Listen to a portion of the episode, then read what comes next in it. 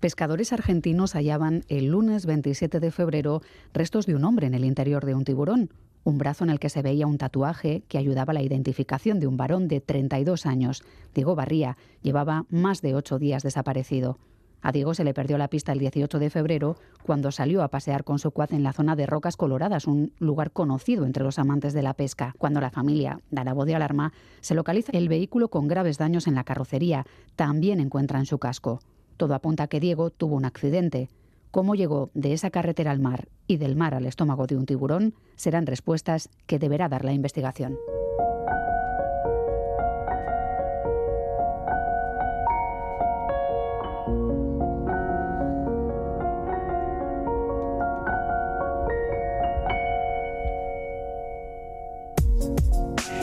Según el relato difundido por los pescadores, el domingo capturaron tres cazones, una especie de tiburón de cerca de metro y medio. Fue al retirar las vísceras cuando se dieron cuenta de la presencia de un antebrazo humano con un tatuaje de una rosa verde y roja con una inscripción, aunque esta última era ilegible, un diseño que la familia lograba identificar. Los restos del joven fueron trasladados a la morgue judicial, donde están siendo investigados, y según fuentes de la Fiscalía, por el momento no se descarta ninguna hipótesis, ni el accidente ni un posible homicidio. Soy Miriam Duque, la encargada de abriros esta Gambara Negra, un podcast de crónica negra en el que hacemos que ciencia, especialistas y pruebas abren más que nosotros para recomponer la actualidad y tratar de entender la mente de quienes se escoran al lado oscuro. Pero ¿cómo llegó Barry al agua y cómo es posible que fuese devorado por un tiburón? Estas son las grandes preguntas que trataremos de responder a lo largo de los próximos minutos. Carlos Simón es experto en buceo. Carlos, ¿qué tal? ¿Cómo estás? ¿Qué tal? ¿Qué tal? ¿Cómo estáis? Muy bien. Supongo que has buceado en zonas en las que existe presencia de tiburones. No sé si en alguna ocasión ha habido alguna situación peligrosa. Eh, bueno, no. Realmente las situaciones peligrosas son las que crean los seres humanos, con los tiburones. Esa es un poco la, la realidad, pero sí, eh, parte de mi profesión y mi trabajo es organizar eh, viajes de buceo en zona de tiburones y bueno, pues he estado en muchísimos países y he hecho más de 3.000 inversiones con esos animales. Y ningún, ningún susto, supongo.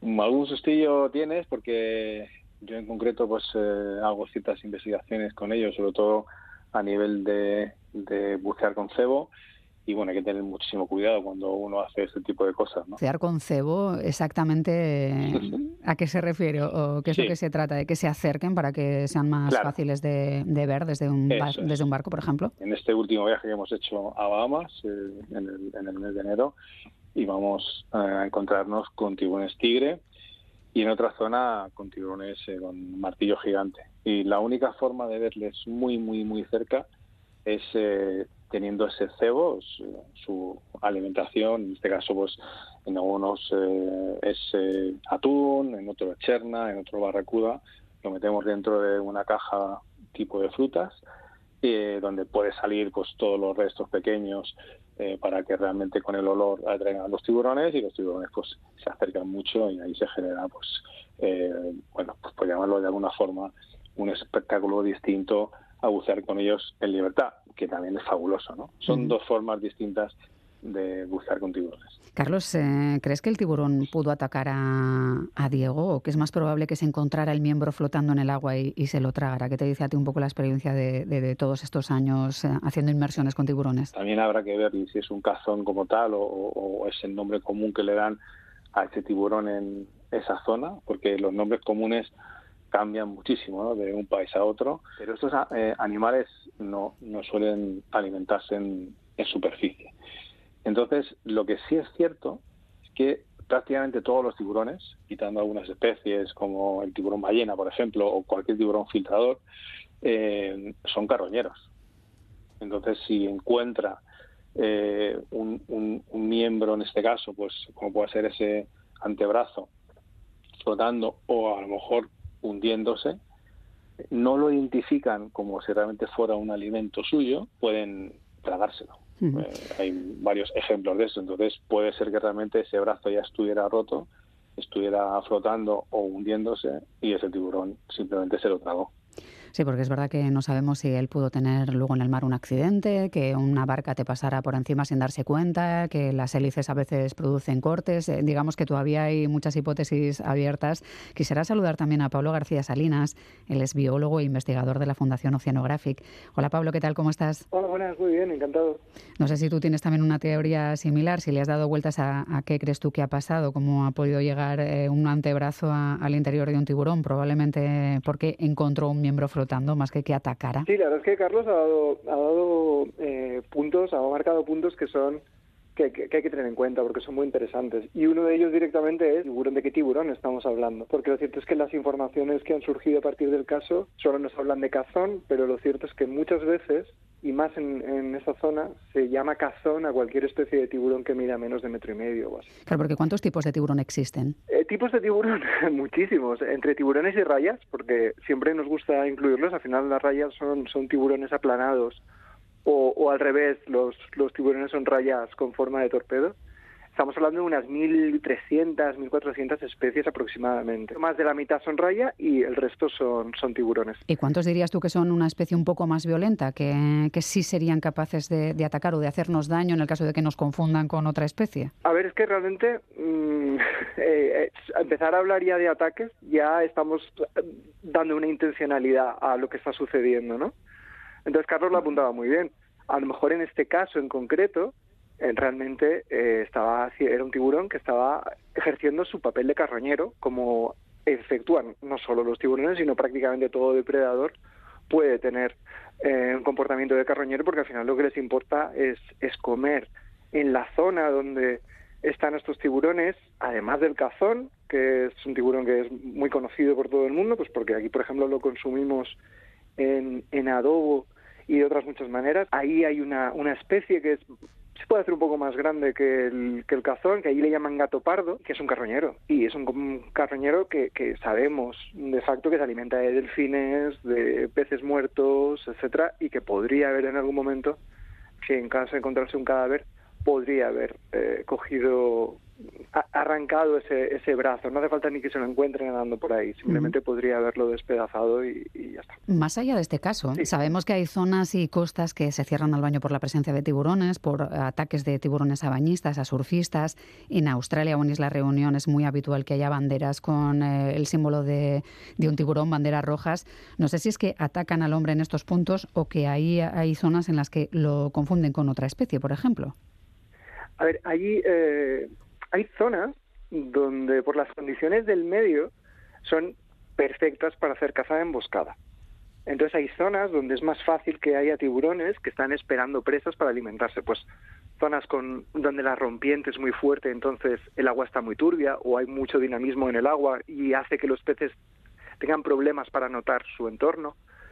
Momentos del día determinados, como zonas en las que hay poca luz porque es un amanecer o un, o un atardecer, entonces hay como momentos clave en los que sí es más probable que haya tiburones cazando, que haya tiburones buscando presas. ¿Qué pasa? Eh, cuando eh, un tiburón de gran tamaño está acostumbrado a que todo aquello que se encuentra, o prácticamente todo aquello que se encuentra, salvo contadas excepciones, sea potencialmente comida. En esas circunstancias, cuando hay una persona en el agua, un tiburón puede acercarse para ver si efectivamente eso que hay es comida o no es comida. Entonces, no podemos hablar de ataque porque realmente no, no pensamos que haya una intención de mm, voy a acabar con aquello que tengo delante. Simplemente son unas tentativas, por eso hablamos más de interacciones. Es una interacción que en nuestro caso podría ser que perdamos un brazo, digamos que estamos en una tabla de surf. Exactamente, exactamente, pero, pero claro, ya desprendemos, al quitar el término ataque, ya estamos quitando esa intencionalidad. Esa, el problema es que, claro, si de pronto te muerde un tiburón, porque al final un tiburón no tiene manos y para saber lo que eres, lo que va a hacer es morderte, porque es la zona que tiene el hocico y la boca, son las zonas más sensibles que tiene.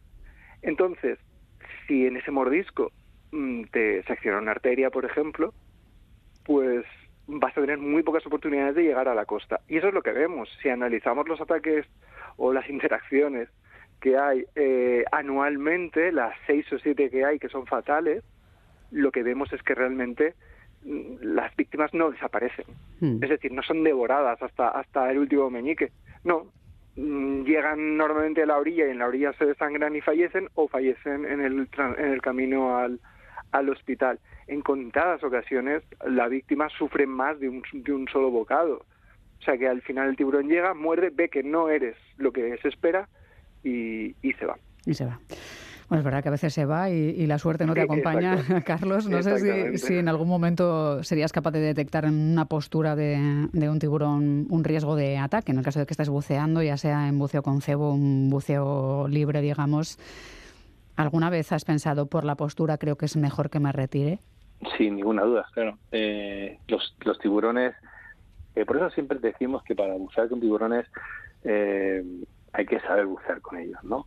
Y por supuesto, no es lo mismo bucear con tiburón tigre o con martillo gigante, como comentaba antes, que con un noriza eh, o con un tiburón limón, de las eh, casi más o menos 500 especies de tiburones que, existen, ¿no? Entonces, los tiburones hay que saber leerlos, hay que nos, nos dan datos para saber si están incómodos. Hay unos movimientos que se llaman agonísticos, que el tiburón pues empieza a encorvarse, empieza a plegar sus aletas pectorales, hace movimientos un poco así bruscos, ahí a partir de ahí nos está diciendo que está incómodo con nuestra presencia. Luego puede pasar incluso a darnos pues esos pases mucho más cercanos, mucho más rápidos, antes de lo que se puede producir o llamar como un ataque dentro, en este caso, del medio donde estamos buceando. En superficie es totalmente distinto, por supuesto. Antes habéis estado comentando ¿no? Eh, lo que comentaba Pablo, ¿no? Hay zonas donde los tiburones se alimentan y hay algunos tiburones, como puede ser el tigre, el blanco, el toro, que se alimentan en superficie también, porque parte de su dieta está ahí. Ahí sí que es muy difícil leer a los tiburones, pues estás en su zona de alimentación, pero debajo del agua sí que eh, podemos observar si el tiburón está más tranquilo, qué tipo de nado tiene, y dentro de las mismas especies también podemos ver si algunos ejemplares tienen un comportamiento diferente, porque no todas las especies, no todos sus ejemplares eh, reaccionan de la misma forma. Puede ser que estemos buceando con tiburones tigre o con tiburones toro y veamos algunos que son muy mm, pues eso, muy juguetones. Cuando estamos eh, con la caja con el cebo y se acercan y te das cuenta de que el animal lo único que quiere es pues interactuar sin ningún tipo de, búsqueda y hay otros cuando entran que les ves mucho más eh, nerviosos y con otro tipo vamos a decir que de intenciones, ¿no? Entonces tienen un carácter distinto, claro. Eso es. Entonces sí que es verdad que, que, puedes leer a los tiburones eh, y, ver en qué situación están. Pablo, una última pregunta. En caso de que nos encontremos en una situación que nos parezca peligrosa, no sé si es mejor tratar de escapar o quedarnos quietos tratando de flotar sin movernos demasiado para no dar pistas o para que no generemos o despertemos interés y no se produzcan lo que tú llamas interacciones y nosotros riesgo de ataque. A ver, hay una cosa muy importante. A nadie, en su sano juicio, se le ocurre ir a una montaña en la que hay una densidad de osos muy elevada, o donde hay una densidad de lobos muy elevada, o en una zona en la que se sepa que hay eh, camadas de o manadas de perros salvajes. Eh, con estos animales es exactamente lo mismo. Si mantenemos las distancias, si mantenemos una actitud mm, respetuosa y no nos metemos en zonas donde a lo mejor vamos a tener algún problema, ahí ya estamos limitando, limitando posibles riesgos. En el agua lo que hay que intentar es no ahogarse.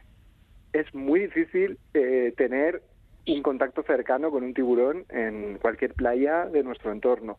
En parte porque no hay que olvidar que tiburones y rayas hoy por hoy son de las especies más amenazadas del planeta con números eh, decrecientes continuamente. Entonces, cada vez quedan menos. Hmm.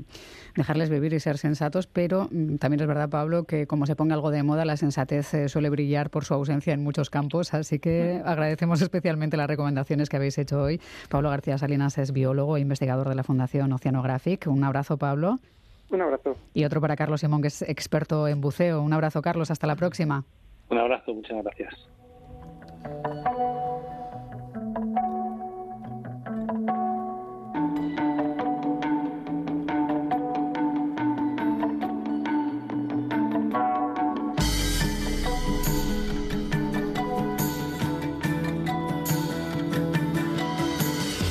Iñaki Rusta es ex jefe de la Policía Científica de la Archancha. ¿Qué tal, Iñaki? ¿Cómo estás?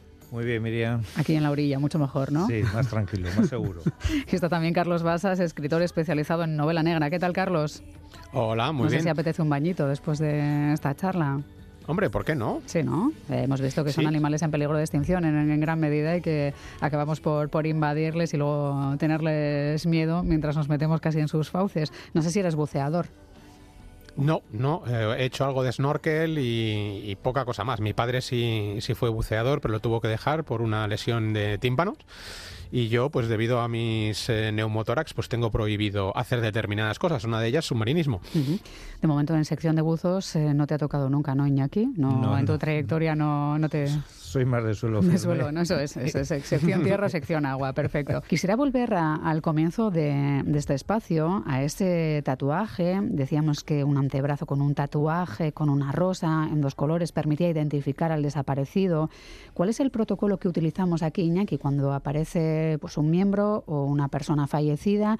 No sabemos quién es y tenemos la opción de que ese tatuaje tal vez nos dé la pista de, con quién estamos o a quién tenemos que buscar. Pues bien, ya desde el año 2009 eh, se trabaja de una base conjunta, eh, una base conjunta que fue establecida por el Ministerio de Interior, en la cual lógicamente está la Archancha, la Policía Nacional, la Guardia Civil, Mossos y Policía Foral de Navarra. Esa base conjunta se trata para personas desaparecidas y cadáveres sin identificar.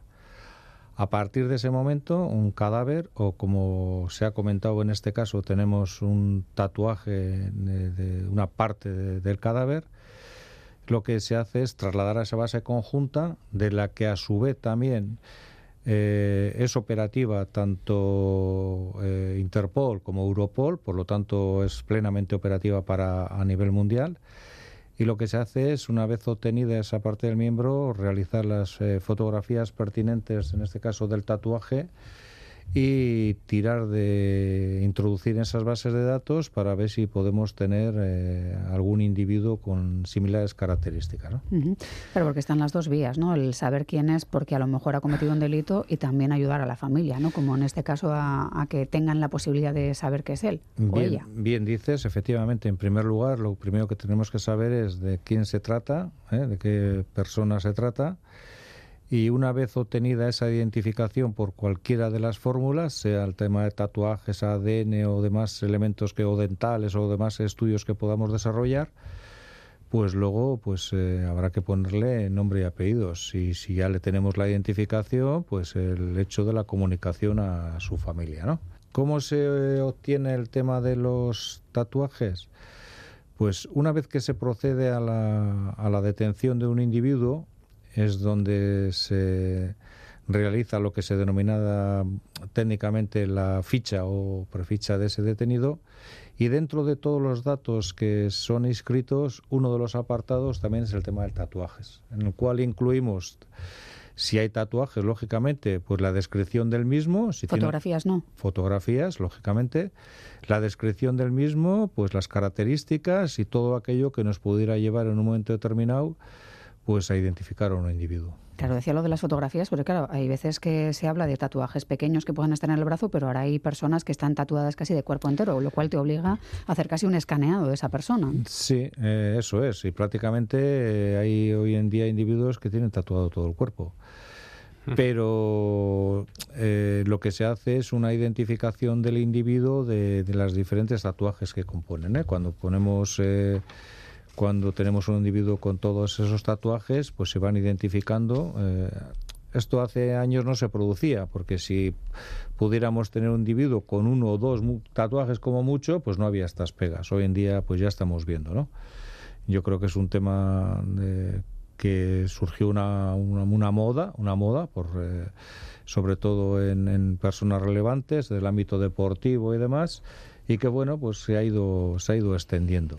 Las bases de datos eh, claro eh, vosotros eh, entráis en la base de datos de la Archancha puede que no se tenga constancia de esa persona porque no sabemos muy bien cómo ha llegado. Cuál es el protocolo efectivamente simultáneamente la introducción de, de los datos en este caso del tatuaje en esa base de datos conjunta a su vez está siendo vista por otros cuerpos policiales, sea Policía Nacional, Guardia Civil, Mossos Forales y a nivel Europol, a nivel eh, europeo o a nivel Interpol, a nivel mundial. Puede ser un individuo de, cualquier país o nación y entonces, por lo tanto, es de ahí la importancia de tener esas bases de datos intercomunicadas. En este caso los tatuajes, pero también existe con el tema de las huellas, el tema dental, el tema del ADN, por lo tanto esas bases son claves. Hoy en día tenemos que tener en cuenta que la gente se mueve más. Esto hace unos años no ocurría. Prácticamente, pues eh, cuando teníamos que identificar a alguien, pues estábamos hablando de una zona de una demarcación. o sea, que uno nacía, crecía y delinquía prácticamente en, su, entorno vital. En su zona, ¿no? Como mucho en el país.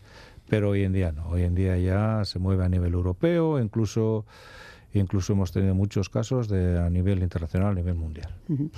Carlos, mencionaba esa moda de los tatuajes que está haciendo que haya que bueno, pues hacer muchísimas fotografías eh, cuando alguien es detenido o cuando alguien es procesado, ¿no? Me venía a la cabeza Dani Alves y, como uno de esos tatuajes eh, marcaba que su declaración o una de sus muchas declaraciones iniciales no se correspondía con la postura y, eso obligaba a cambiar, ¿no? ¿Dónde estaba él? ¿Dónde estaba la presunta víctima? ¿Dónde estaba todo el mundo? ¿no?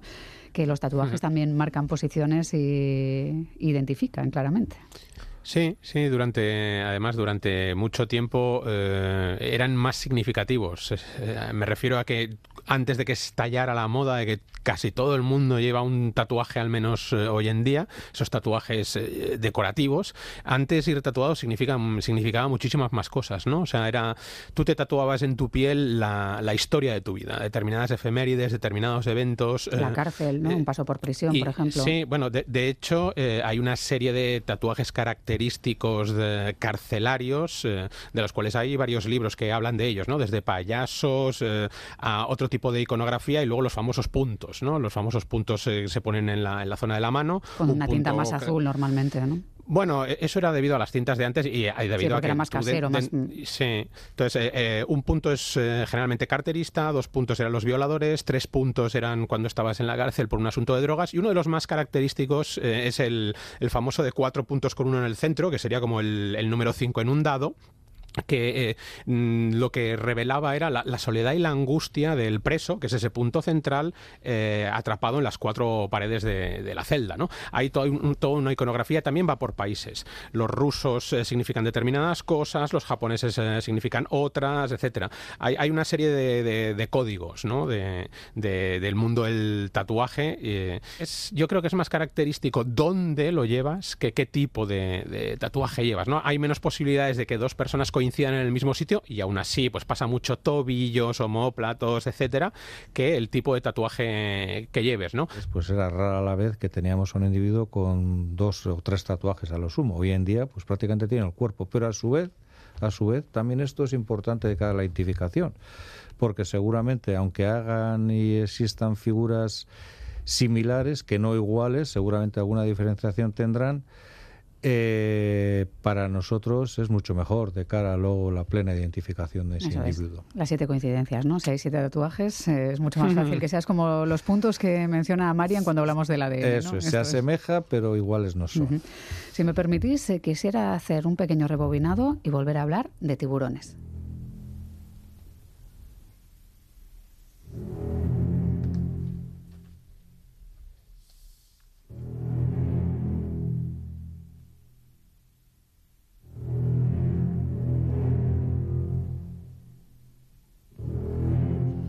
Una película que generó el pánico en una generación de espectadores, Carlos, casi solo con la banda sonora, ¿eh? porque es que yo creo que Spielberg consiguió que sintiéramos un frío en la nuca, sin necesidad casi de mostrar las fauces del tiburón hasta bien entrada la peli, aunque bueno, luego eso también mm. tiene su, su, épica, su historia.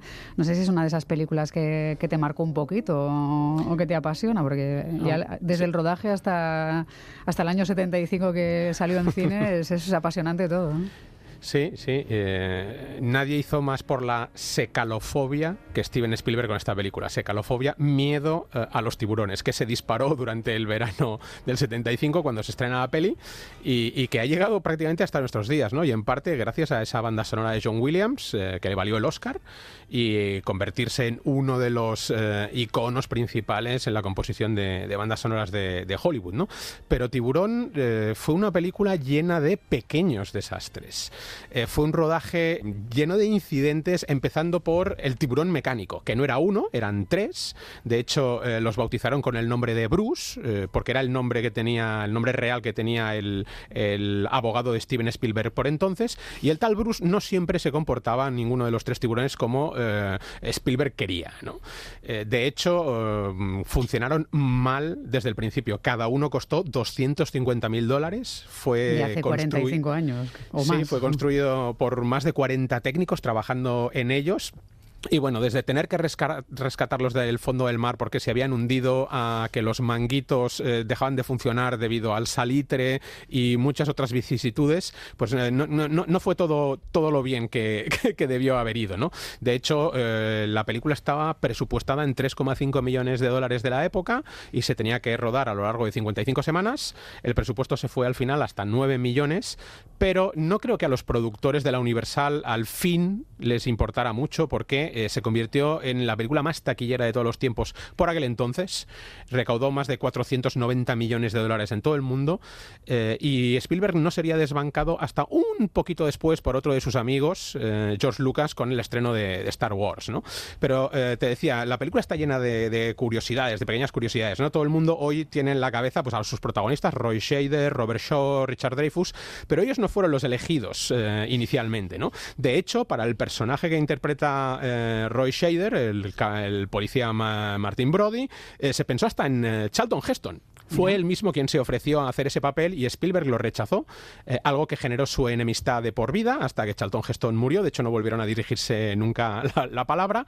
Eh, y luego, pues eh, para el papel también de Brody se llegó a casi contratar a Robert Duvall. Hasta que Robert Duvall leyó el guion y dijo, no, señores, a mí el personaje del policía héroe no me interesa, a mí me interesa el personaje de cazador de tiburones, ¿no? el que iba a hacer Robert Shaw.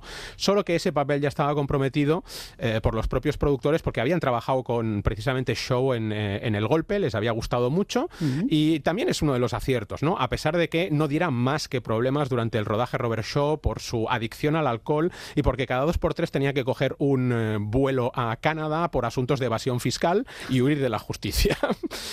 Qué alegría. Pues, sí, sí, sí, sí, La, no sé si la gente sabe que Tiburones eh, está basado en una novela. De hecho, es, mm. es una historia mm, real sacada de una serie de ataques de tiburones eh, tremendos que hubo en el verano de 1916 en una, serie de playas de Nueva Jersey.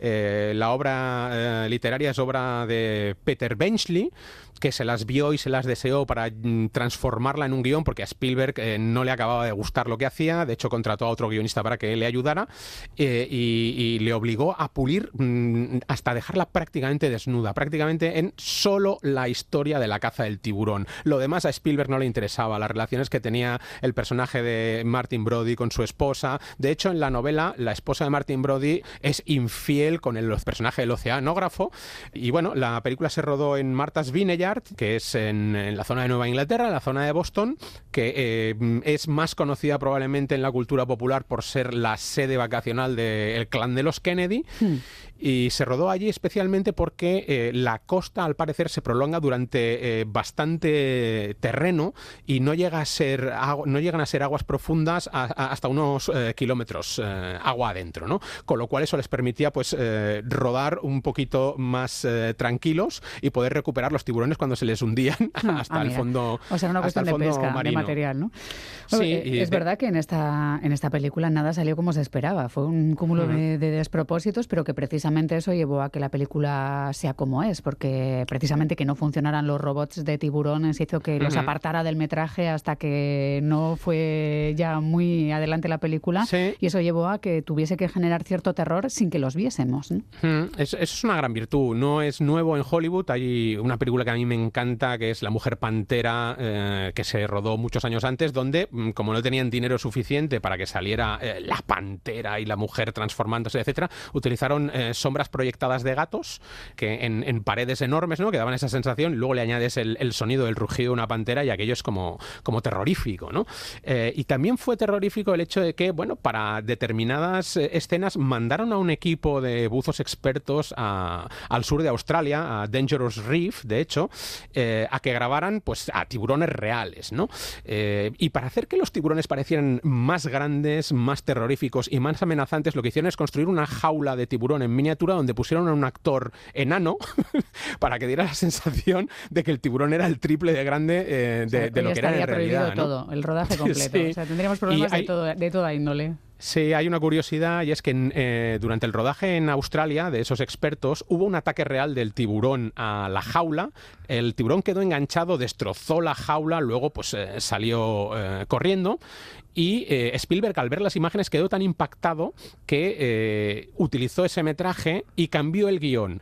Eh, ¿Os acordáis de la escena en la que está el personaje del oceanógrafo dentro de la jaula, es atacado por el tiburón? Bien, en el guion original el oceanógrafo muere en esa escena. Sin embargo, Spielberg, eh, al tener las imágenes de la jaula destrozada y ver que el buzo lograba escapar, decidió que eh, el personaje de Richard Dreyfus salvara la vida y llegara al final de la película sano y salvo, ¿no? Por utilizar y aprovechar el metraje. Eso, en realidad él estaba optimizando lo que, lo que ya estaba grabado con mucha épica y cambió un poco la historia. En todo caso, fue un hito en el mundo del cine. Yo creo que mm. llegó a generar cierta fobia entre bañistas en algunos momentos de veranos posteriores. ¿no? Y, a, ello, a ello contribuyó una estrategia de marketing eh, muy importante y es que los productores decidieron, eh, con una serie de imágenes eh, pues en las que no se acababa de ver nada claro, el póster de la película y la música de John Williams, montaron una serie de anuncios televisivos que pusieron a lo largo de, varios meses antes de la llegada del verano y del estreno, que hizo que todo el mundo se muriera de ganas de verlas. ¿no? Mm. Pero fíjate, como remate final, la película en inglés se llama Jaws, ¿eh? mandíbulas, eh, pero el rodaje fue tan desastroso que todos los técnicos eh, que trabajaron en ella la bautizaron como Floss que significa defectos. bueno, pues a pesar de todo eso consiguió un taquillazo brutal y que haya pasado a la historia como una de las películas de nuestra vida prácticamente en cualquier generación que preguntes, Iñaki. Entiendo que para todos y todas al menos alguien la ha visto un par de veces a lo largo de la vida y es de esas que te enganchan, ¿eh? Te aterrorizan un rato. Luego notas un poco el frío en los tobillitos ¿eh? y cualquiera se arriesga. Pues así es la vida, tiburón, que, que Spielberg lo convirtió en un ser terrorífico y furioso y resulta que probablemente esté aterrorizado esperando que no nos acerquemos demasiado a su lugar de origen. Carlos Basas, escritor especializado en novela negra y fondos marinos, por lo que vemos. ¿eh? Gracias es por mi parte, de, mi parte de guionista. Eso es. ¿eh? Gracias por describir también ese miedo de una generación. Un abrazo. y un abrazo también para Iñaki Rusta, ex jefe de la Policía Científica de la Archancha, que ya hemos descubierto que es más de tierra que de mar. ¿Eh? a efectos de investigaciones o, de peligros. Sí, pero no ha estado mal porque hemos aprendido de tiburones reales y ficticios. y de rayas también. de rayas. Muy, muchas es gracias. Que Bye, Un abrazo a los dos.